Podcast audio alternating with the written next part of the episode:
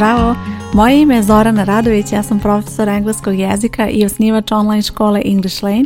ovo što slušaš je English Lane podcast gdje pričam o korisnim savjetima i lekcijama za učenje engleskog jezika. U mojoj školi nedavno sam objavila najnoviji kurs za članove škole i u pitanju je kurs izgovora i žela sam ovom prilikom da sa tobom podelim i nekoliko savjeta kako da poboljšaš izgovor na engleskom i naravno ova epizoda podcasta će biti odlična dopuna za tebe ako pohađaš kurs da pored lekcija, vežbanja i zadataka koje radiš u okviru kursa dodatno razmišliš o tome kako možeš da poboljšaš izgovor i koje su to aktivnosti koje utiču na tvoj izgovor. Ako nisi član škole i ako želiš da pohađaš ovaj kurs, pogledaj na stranici English Lane online škole kako možeš da se prijaviš i dobiješ pristup i ovom kursu u okviru tvoje članarine. Prva aktivnost koja će ti pomoći da usavršavaš izgovor je slušanje na engleskom i to je nešto što mnogi zaborave i misle da nije bitno toliko, a zapravo jeste, jer slušanje zapravo pomaže tebi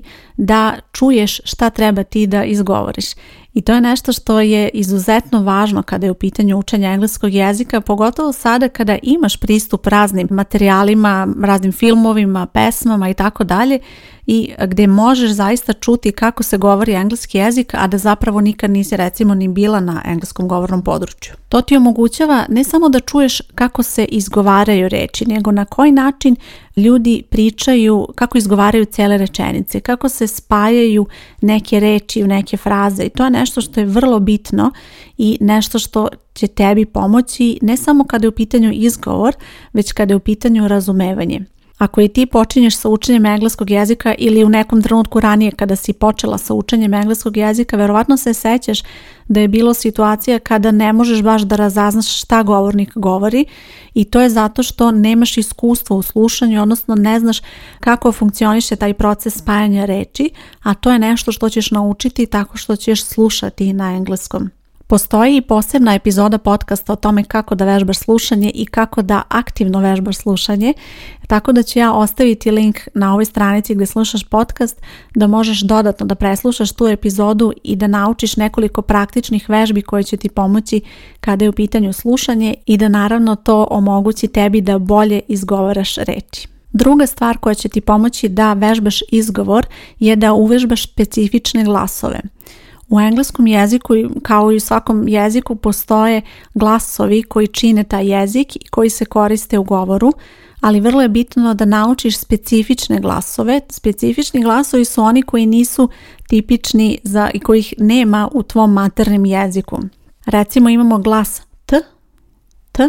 to je glas koji imamo i mi u našem jeziku i to je glas koji tebi neće praviti problem kada pričaš na engleskom.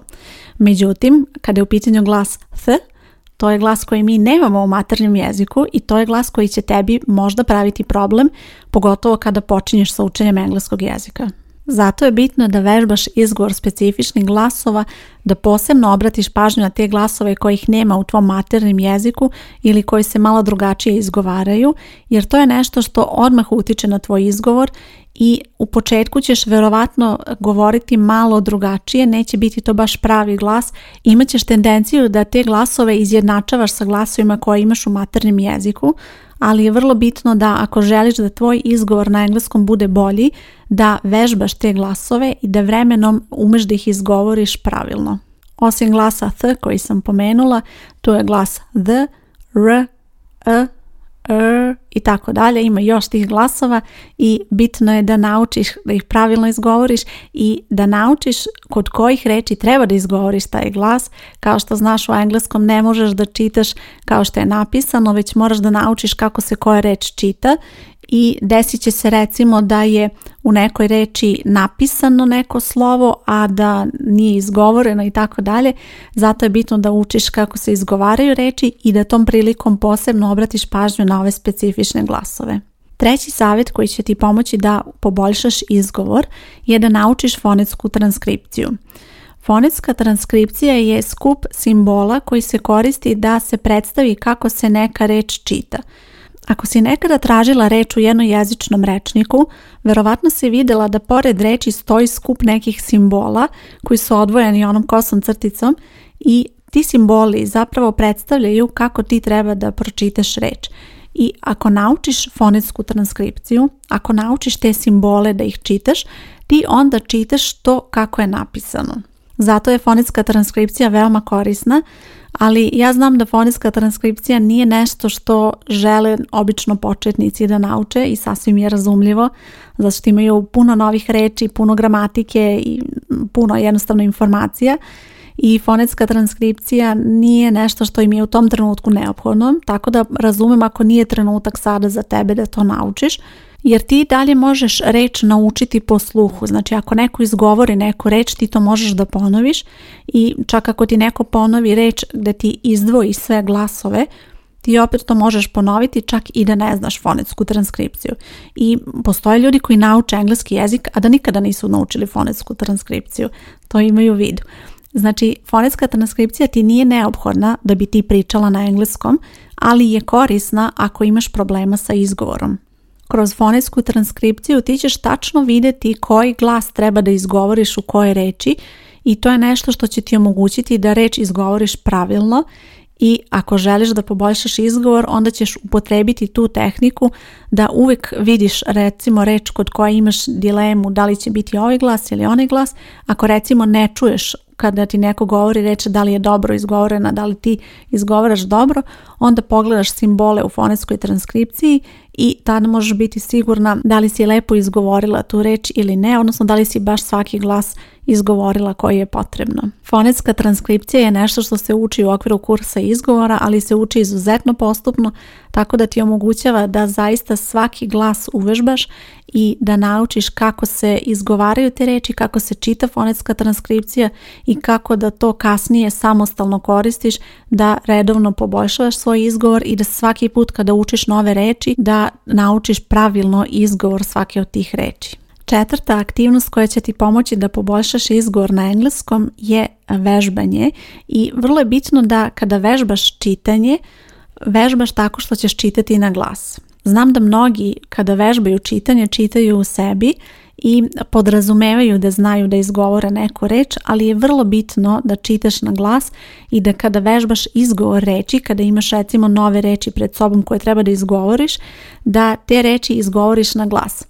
Zašto je to bitno? Zato što ako ne znaš da izgovoriš neku reč, kada treba da kažeš to na glas, to ćeš odmah sama primetiti, odmah ćeš čuti tu nesigurnost u svom glasu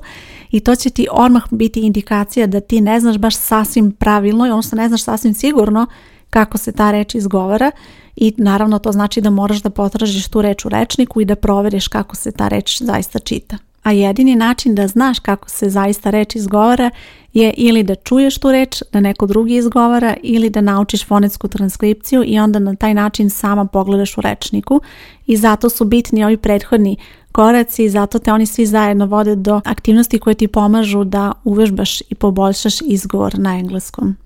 Peti savjet koji ću ti dati je da vežbaš čitanje rečenica. Kada počneš sa učenjem engleskog jezika, ti ćeš vežbati čitanje reči i to je u redu jer ti treba da naučiš kako se čita koja reč, ali moraš da imaš u vidu da se reči malo drugačije možda čitaju, odnosno reči se spajaju kada su delovi rečenice i kada su delovi izraza. To također znači da neke reči ćeš možda da čitaš malo onako brže, neke sporije i to je sve deo konverzacije i zato je bitno da vežbaš i čitanje rečenica, odnosno čitanje tekstova naravno, ali da ne čitaš samo individualno reči kao reči. Na primjer, kada počneš sa učenjem i kada naučiš reči, naučit ćeš da je recimo individualno I, pa je onda will, call, you, in, the, morning. Pa recimo rečenica jedna gdje sam ja pročitala svaku reč pojedinačno, ali kada pričaš na engleskom treba da pročitaš te neke reči će biti malo više spojene i onda će rečenica zvučati ovako. I'll call you in the morning. Vidiš kako sam spojila. I'll call you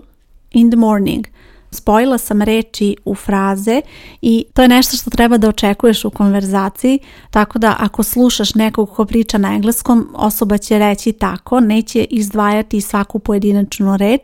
i vremenom i ti treba da težiš tome, dakle i ti treba da se trudiš da kad pričaš na engleskom ili kad čitaš na engleskom, čitaš tako da to bude izražajno i da na taj način spajaš reči u fraze i da onda to sve zajedno zvuči kao rečenica. Ako pohađaš kurs izgovora, savjetujem ti da nastaviš da radiš redovno na aktivnostima i da se trudiš da sve što naučiš u okviru lekcija gdje recimo slušaš kako se izgovara neka reč, da svaki put i ti izgovaraš na glas, da pratiš takve instrukcije i da radiš redovno vežbanja i zadatke koji ti pomažu da upotrebiš sve to u konverzaciji, da izgovoriš tu reč na pravi način. Ako nisi član škole, a želiš da to postaneš, na ovoj stranici gdje slušaš podcast bit će link English Lane je online škola gdje ćeš učiti u okviru online kurseva i pored osnovnog kursa koji ćeš pohađati, koji naravno prati sve što je potrebno za učenje engleskog jezika, uključujući i gramatiku, nove reči, imaš mogućnost da pohađaš i kurs izgovora i kao i razne druge dodatne aktivnosti, ali kurs izgovora je samo jedna od njih. Možeš pronaći link na ovoj stranici ili potraži English Lane online škola i tu ćeš pronaći sve informacije kako funkcioniše učenje i kako možeš dobiti pristup i ovom kursu. Ukoliko ovo nije trenutak za tebe i ne možeš u ovom trenutku da se posvetiš učenju engleskog jezika,